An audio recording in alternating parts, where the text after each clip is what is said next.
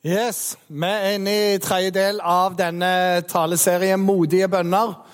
Og For to uker siden så starta Jarle den med bønnen 'Ransak meg, Herre'. Og Hvis du var her sist uke, så fikk du vite at amerikanere de likte det, for 'ransack' er et veldig bra ord. Det betyr ta ut alt av skuffa, alt. Bare leit med tøddels nøyaktighet for å finne hva som helst. 'Ransak meg, Herre'. Det er en enorm bønn. Og så gikk vi videre neste gang til den bønnen som kanskje er den minst populære, men som er bare helt livsforvandlende. Og det er at jeg gir deg alt, Jesus. Alt for Jesu fot jeg legger. Det er ikke noe jeg alltid jeg føler for, men jeg gjør det. Og vi ber gjerne 'knus meg, Herre'. Knus meg for hva som knuser deg. Bruk meg, Herre. Og i det hele tatt bare legge alt framfor Han. I dag så vil jeg si vi skal være på den mest offensive bønnen. Og for min del så er jo dette mitt landskap. Må jo si det. Jeg liker alt som er offensivt, alt som er nytenkende, alt som er skapende. Og det der 'Kom igjen, folkens'. Så vi skal øyeblikk gå inn der. Eh, pastor Jarle han fortalte om Ole Hallesby og hadde et langt sitat av han. Ingen av dere husker det. Nå skal dere få et eh, sitat fra en annen, annen Ole. Han heter Ole Dagfinn Sky. Han er sjømannsprest, en av mine venner. Og han jobber ofte med folk som sier 'Jeg sliter med bønn'. Og så sier jeg 'Bønn, vet du, det er ikke vanskelig'. Og Du må se for deg en gubbe på 60 år, litt lavere enn meg, litt rundere enn meg, skjegg og verdens koseligste kar. Det er ikke vanskelig, det, vet du. Bønn, det er å si Jesus først og si ammen til slutt. Også det du hadde på hjertet i midten. Det er bønn, det. Det kan du klare. Og så oppmuntrer han folk på den måten til å be. Si Jesus, så kommer innholdet, og så ammen. Da har du bedt. Og han har fått å hjelpe folk inn i bønn. Men så var det da dette med denne midtparten. Hva består den midtdelen av etter Jesus og før ammen? For det avgjør en del ting.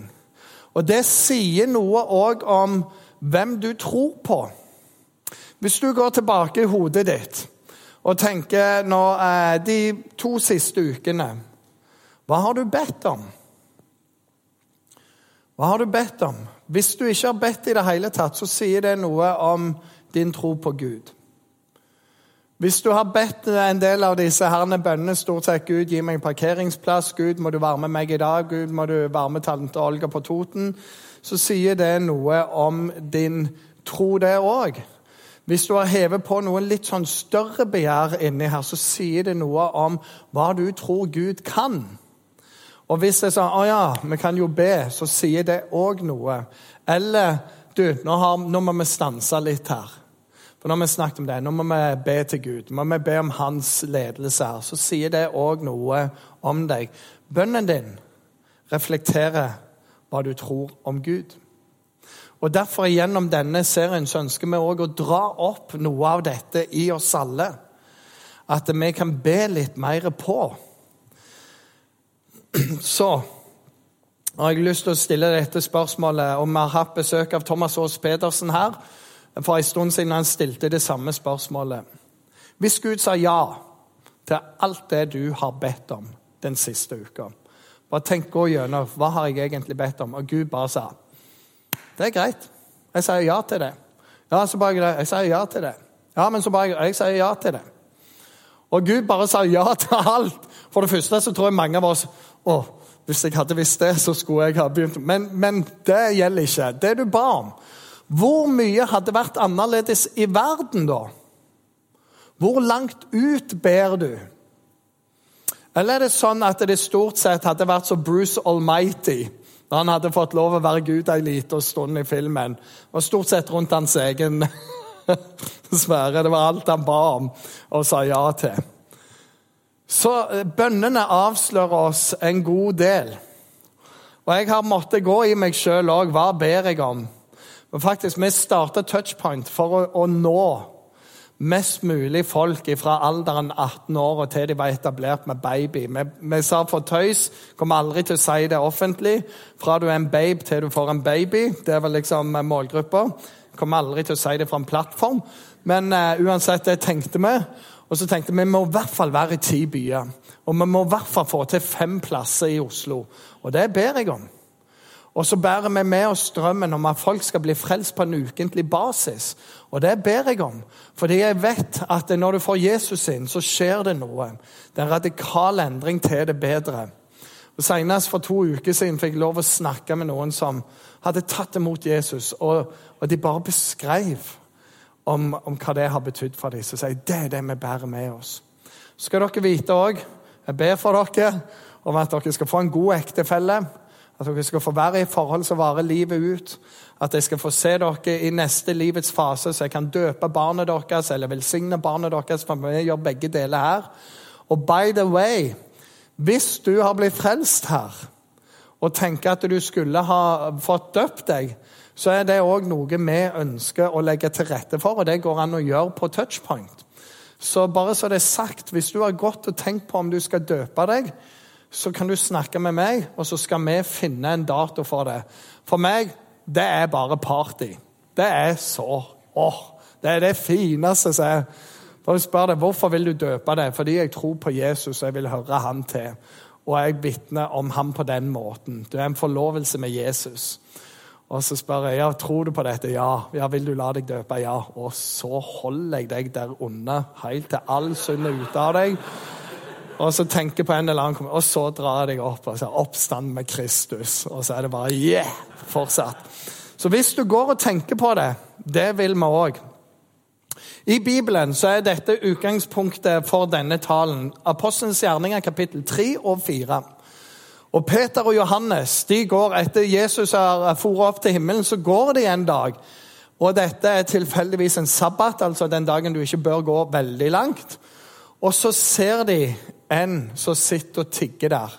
Og Han er lam, og han ber om almisse. Folk bærer han inn og ut av dette for å tigge etter penger. Og han har vært lam siden han var født. Og De kommer bort til han, og det står i teksten, de ser fast på han. Og så sier de 'se på oss', og han ser på dem og håper de, han får penger. Så han bare, ok. Og så sier de 'sølv eller gull, det har vi ikke'. Men det vi har, det vil vi gi deg. I Jesu Kristi navn, reis deg opp og gå. Og så står det Og dette, Når du leser Bibelen, så må man forstå dette er ekte historie. Så Han bare vroom, får kraften i beina, og så begynner han å gå rundt. Han har aldri gjort det. Og etter en liten stund så begynner han å løpe rundt. Og han bare Wow! Dette er helt sinnssykt! Og folk stimler jo til hva som skjer, for de vet hvem fyren er. Og så ender det med at eh, disiplene, etter de har gjort den gode gjerningen, kommer inn for de skriftlærde fariseerne, og de sier dere skal aldri mer tale i dette navnet. Er det forstått? Og de gjør det rimelig tydelig, og de er folk som egentlig der har lyst til å piske dem. Og så sier de, vet du hva? Dere må velge for deres del, men vi kan ikke la være å vitne om det vi har sett og hørt.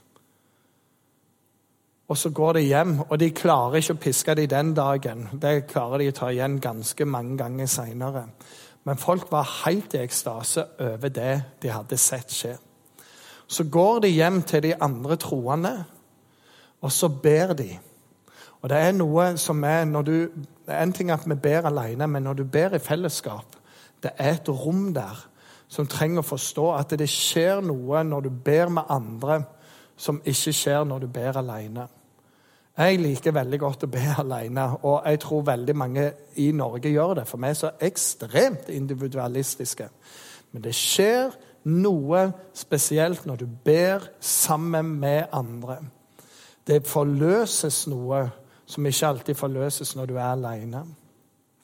Og òg når vi begynner å be, og jeg kan være litt trøtt og sliten, og så er det en annen som har vært med Gud, og så begynner den å be Gud! Bare, og så kjenner jeg troen kommer i meg, og bare yeah, all right! Og så er jeg på hogget. Der var vi på kanalen. Og så ber de, og denne bønnen så er en lang bønn, og langt nede i denne bønnen så sier de nå Og nå, Herre, hold øye med truslene deres. Jesus, du holder øye med truslene deres. Og la dine tjenere, altså oss, la oss tale ditt ord med frimodighet. Rekk ut din hånd så det skjer helbredelse og tegn og under ved navnet til Jesus, din hellige tjener. Amen. Det er bra bønn. Så kan du tenke, Ber om frimodighet. Det var jo det som fikk de i trøbbel i første omgang. Var litt frimodige der. Og litt helbreda. Og litt fengsla.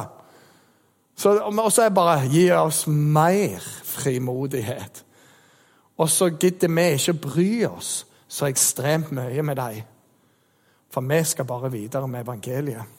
Og, og så er det noe av dette Hvis vi kunne hjelpe ett menneske ja, Da kan de true oss med hva de vil. Tenk om vi kan få lov å hjelpe ett menneske til og ett menneske til og ett menneske til. Og så ber de denne bønnen.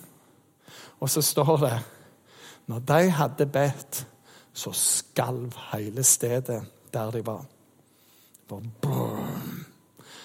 Og det er noe fantastisk. Da ble de alle fulgt av Den hellige ånd, og de talte Guds ord med frimodighet. Ser du, bønn kan skape noe. Bønn er òg en bestemmelse. Hva gjør vi med alt dette vi har møtt? Ja, Vi tar det med til Jesus i bønn. Ja, hvor vil vi være? Nei, vi vil være at vi er frimodige i Jesu navn. Da ber vi om det. Og det skalv. Vi får rapporter i dag fra kristne i Egypt som forfølges, noe så hinsides. Og så ber de denne bønnen. Og så blir det folk frelste. Ad mass. Vi finner det i de lukka landene hvor det er en forfølgelse som er helt grusom. Men likevel så ber de denne bønnen. Gud, du holder øye med trusler. La rekke ut hånda, sånn at vi kan få lov å vitne om deg. Det kommer historie på historie om kristne som fengsles, som tortureres, og som likevel har dette Gud, hvem kan jeg vitne for? Hold øye med truslene. Bare rekk ut hånda di. Og dette kan være på forskjellige måter. Jeg har en historie om ei dame fra Detroit. Og jeg, jeg, så et intervju med henne. Jeg lo, og det var ei dame, altså. Bare forestill deg ei, ei god husmor, egentlig. Nokså normal dame. Sitter inne, Hun er katolikk. Så sitter hun inne i stua si, og så ser hun på TV at ute på eh, gatene så er det raseopptøy i byen der hun bor. For de sorte ble tilsidesatt for å jobbe. De, hvis de fikk jobb, så fikk de elendig betalt. Og det var et raseskille som var enormt i Detroit. Og det var mens det var bilmekka nummer én i verden. Hun ser på dette, og så skjer det noe inni henne som bare Sånn kan det ikke være.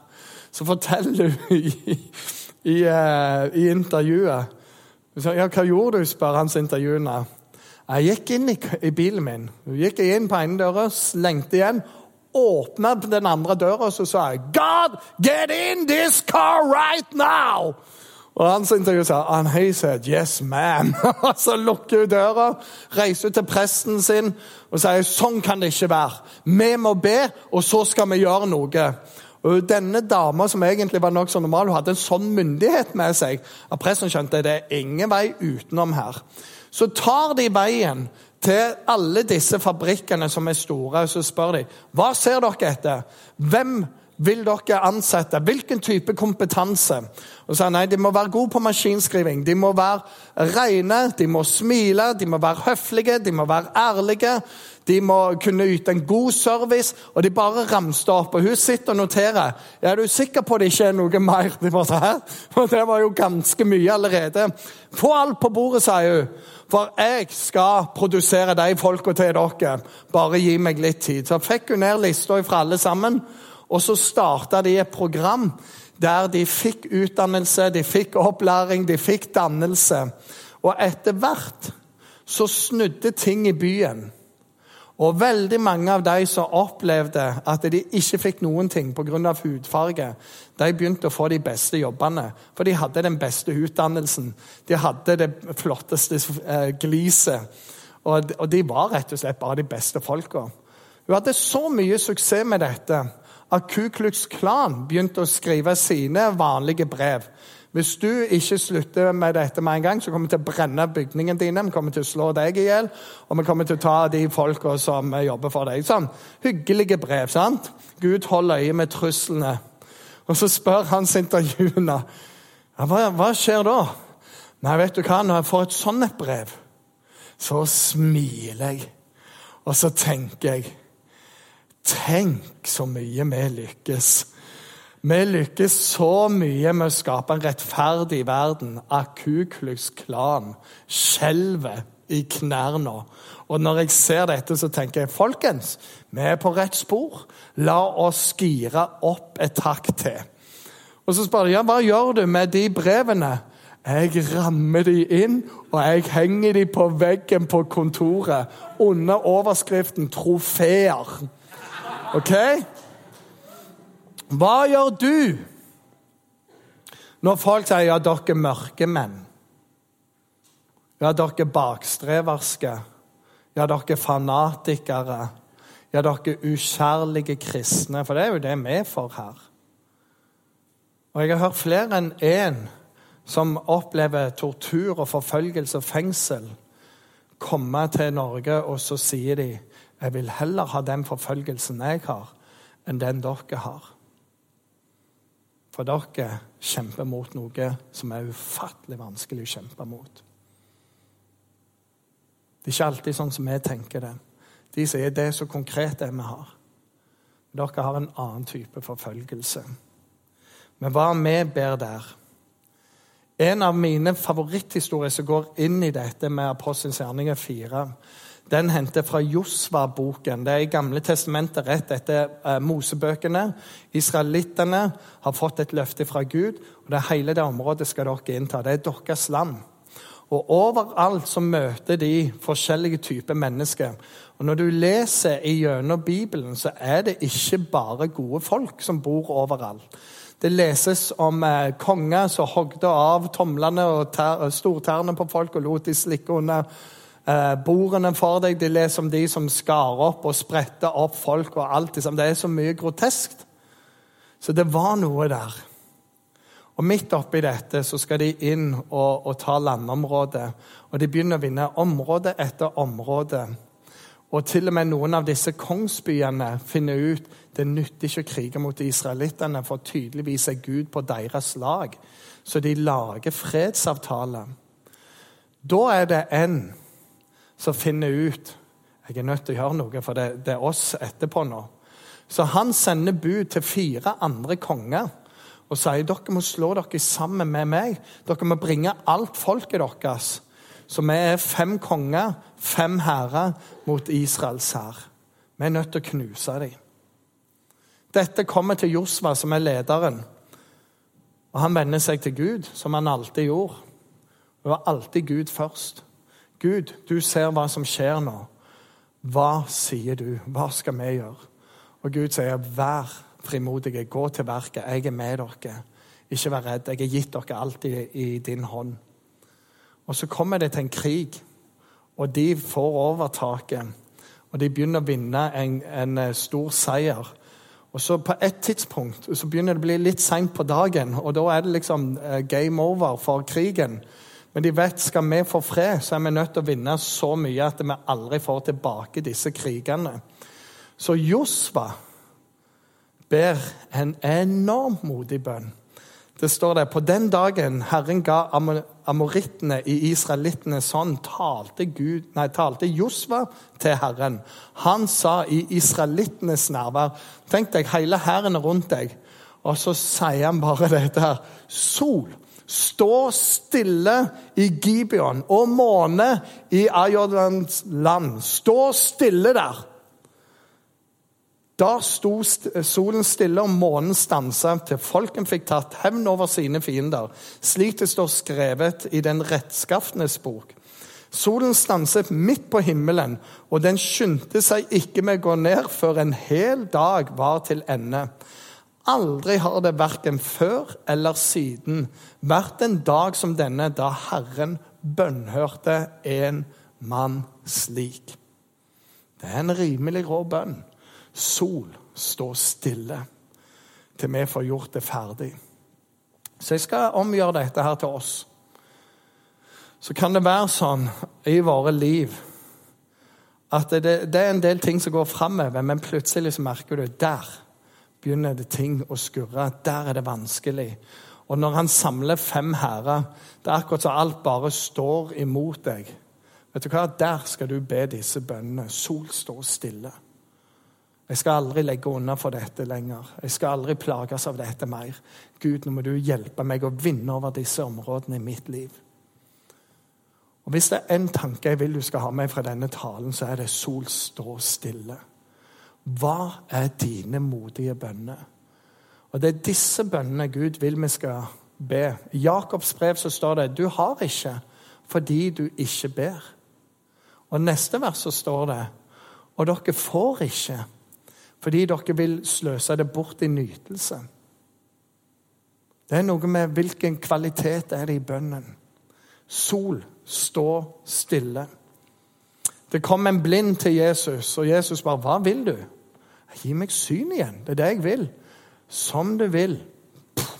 Og så fikk han synet. Konkret bønn, konkret svar. Gud svarer ikke konkret på en generell bønn. Henger du med? Hvis du ber veldig generelt, så blir det ikke veldig konkret fra Guds side. Så hva er det du ber om egentlig? I hebreerne så står det noe vi kaller troens kapittel. og Det står om mange som trodde på Gud, gjorde mektige gjerninger. Og så var det forskjellig utgang av deres liv. Og det står noen av dem var for gode for denne verden. Det er ikke alltid sånn at du får ja på alle bønnene dine. Men det du kan vite, er at Gud er med deg, og han kommer til å hente deg en dag. Det er tre karer, Shadrach, Meshach og Abednego. De var i Daniels bok hans kompiser. Kong Nebukadnesar hadde fått en fantastisk idé om å lage en stor statue av seg sjøl. Som når folk spilte på fløyte og hva enn, så skulle alle bare falle ned.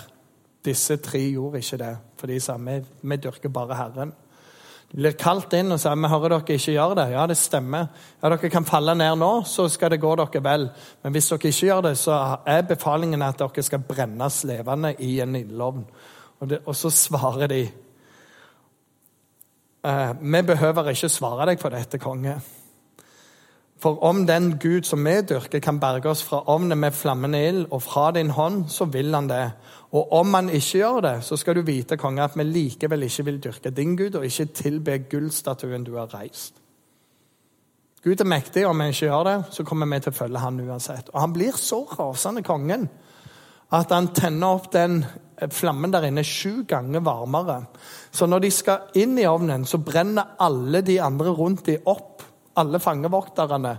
Og de går inn der. Og midt inni der så ser de en fjerde skikkelse. Jesus kommer inn der og står med dem. Da ser kongen det, og han er sånn Hva skjer? Og kaller de ut igjen. Og så sier han jeg har en ny ordre. Glem gullstatuen. Alle skal dyrke den guden de dyrker. Av og til må du gjennom ild og vann. Og så er det noe med den modige bønnen. Det får stå til, men Herren være lova, og Hans vilje skje. For min del så er det en haug av disse typer bønner i livet mitt. Men det ligger òg til tjenesten. Og så er det egentlig ikke det det handler om, men det handler om hva er en modig bønn for deg? Hva er en av de der Gud, gi meg frimodighet. Skal vi ta det ned? Det kan være at det er noen i familien din eller noen av vennene dine De er ikke kristne og du har kanskje delt evangeliet, da ber du Gud, hjelp meg å dele det en gang til. Gi meg mot til det. Noen som er syke, så tenk kanskje jeg skulle bedt for dem, eller skada. Gud, gi meg styrke til det, og gi meg visdom til å gjøre det riktig. Jeg kjenner et par som har sagt dette, har et mål og det er å kunne lede ett menneske til Jesus hvert eneste år. Det er mitt mål for livet. Klarer jeg det, skal jeg være så glad. Og de ber Gud, hjelp meg å skinne for deg. Hjelp meg å være så god at de ser meg, deg, igjennom mitt liv. Hva er det steget for deg? Min far, han var ingen troende gjennom hele sitt liv. Han gikk på bedehuset da han var liten, men der fikk han høre den berømte helvetesforkynnelsen som gjorde at alle fikk mareritt og var sikre på at de kom til å komme til helvete. Så han bare forkasta all troen. Han hadde mareritt, fortalte han i flere år, om at han brant. Og Gud ville ikke redde han. Så ble en sjømann, eh, flydde, ja, seilte over hele verden. Så alle verdens religioner, så han gikk inn i derne Så hvorfor er den kristne mer rett enn noe av det andre? Og så hadde han mange ting. Og det var alltid vanskelig å snakke med far om tro. For han elsket å kverulere, og han hadde alltid en god måte å svippe unna på. Så ligger han på sitt siste på sykehuset. Han har kols, ligger, eh, klarer nesten ikke å puste sjøl. Og så tar min bror mot til seg, for dagen før han skulle inn, så var de på et bønnemøte i Bryne misjonskirke. Og de spør skal vi be for noen. Og David, som da var vet ikke seks-syv år gammel, han sier man be for farfar. Han måtte si det flere ganger, så de fikk det med seg. Be for farfar. Så sier Jim, som er broren min, sier far I går ba vi for deg, David. Han sa vi måtte be for deg. Så bare lurte jeg far. Og så kom motet. Har du lyst til at vi skal be sammen til Jesus? Og Så klarte ikke far å snakke, men det han gjorde, det var han bare tok de kreftene han hadde, og førte hendene sammen. Og så ba de. Så fikk han lov å be til frelse tre måneder før han døde. Og hver gang min bror kom inn, så bare med en gang så broren min, så måtte han bare opp. liksom Bare la oss be til Jesus. Så han fikk lov å sovne inn i troen på Jesus fordi noen hadde mot til å gjøre det en gang til. Og det var det der sol stå stille, måne ikke gå ned, før jeg har fått lov å be Far inn i himmelen. Det er den modige bønnen til oss. Gud holder øye med trusselen deres og rekk ut din hånd, så det kan skje tegn under mirakel i ditt navn. Det som skjedde med min far, det er et mirakel. Det er et under. Måtte det være i våre liv, og måtte du ha med deg den bønnen i livet ditt. At vet du hva? Nå gutser jeg litt i Jesu navn. Sol står stille. Og så ber du. Lykke til med det. Og så har jeg òg lyst til å si eh, til deg Begynn å sette deg noen hårete mål. Begynn å, å, å leve for noe som Hvis ikke Gud griper inn, så går ikke dette her. For da må du be. Og Gud, må du hjelpe oss her? Begynn der. Så, wow, nå kjenner jeg Dette utfordrer meg. Og Da sier jeg yeah, velkommen i klubben. Og Det er et fantastisk liv å leve. Og det er et forferdelig liv å leve. Men de beste historiene ligger der. Og du får se når Gud sier ja. Jeg gjør det. Skal vi be? Himmelske Far, jeg takker deg for denne bønnen som er i apostelens gjerninger. Etter de har blitt trua på livet, egentlig. Og de hadde all god grunn til å si vet du hva, gutter, nå, nå, nå holder vi ikke på mer med den forkynnelsen. Finner vi på noe annet så ber de bare en fantastisk bønn om at du må holde øye med truslene, og at de skal få frimodighet, så de kan tale om deg. Og de ber på en sånn måte at hele grunnen skjelver. Herre, hjelp oss å be sånn. Jeg ber om det. Hjelp oss å be modige bønner. Og Herre, så ber jeg om at eh, det steget som ligger foran den enkelte av oss, om det er å våge å vitne igjen, det er våge å be for noe konkret, det er våge å å, å reise seg opp og, og, være tydelig på jeg er kristen, jeg har noen verdier. Det å, å, gå inn i et arbeid, eller det de har hatt i tanke lenge om Jeg lurer på om jeg skulle begynt med dette. Og så bare si, vet du hva, Sol står stille, jeg går for dette nå. Hjelp oss å leve det livet der, Herre, som vi trenger at du griper inn. Og hjelp oss som bønn er det første vi tyr til. Fordi du er der, og du er mektig, og du har alt i din hånd. Hjelp oss å koble oss på deg, Herre, og hjelp oss å be modige bønner. I Jesu navn. Amen.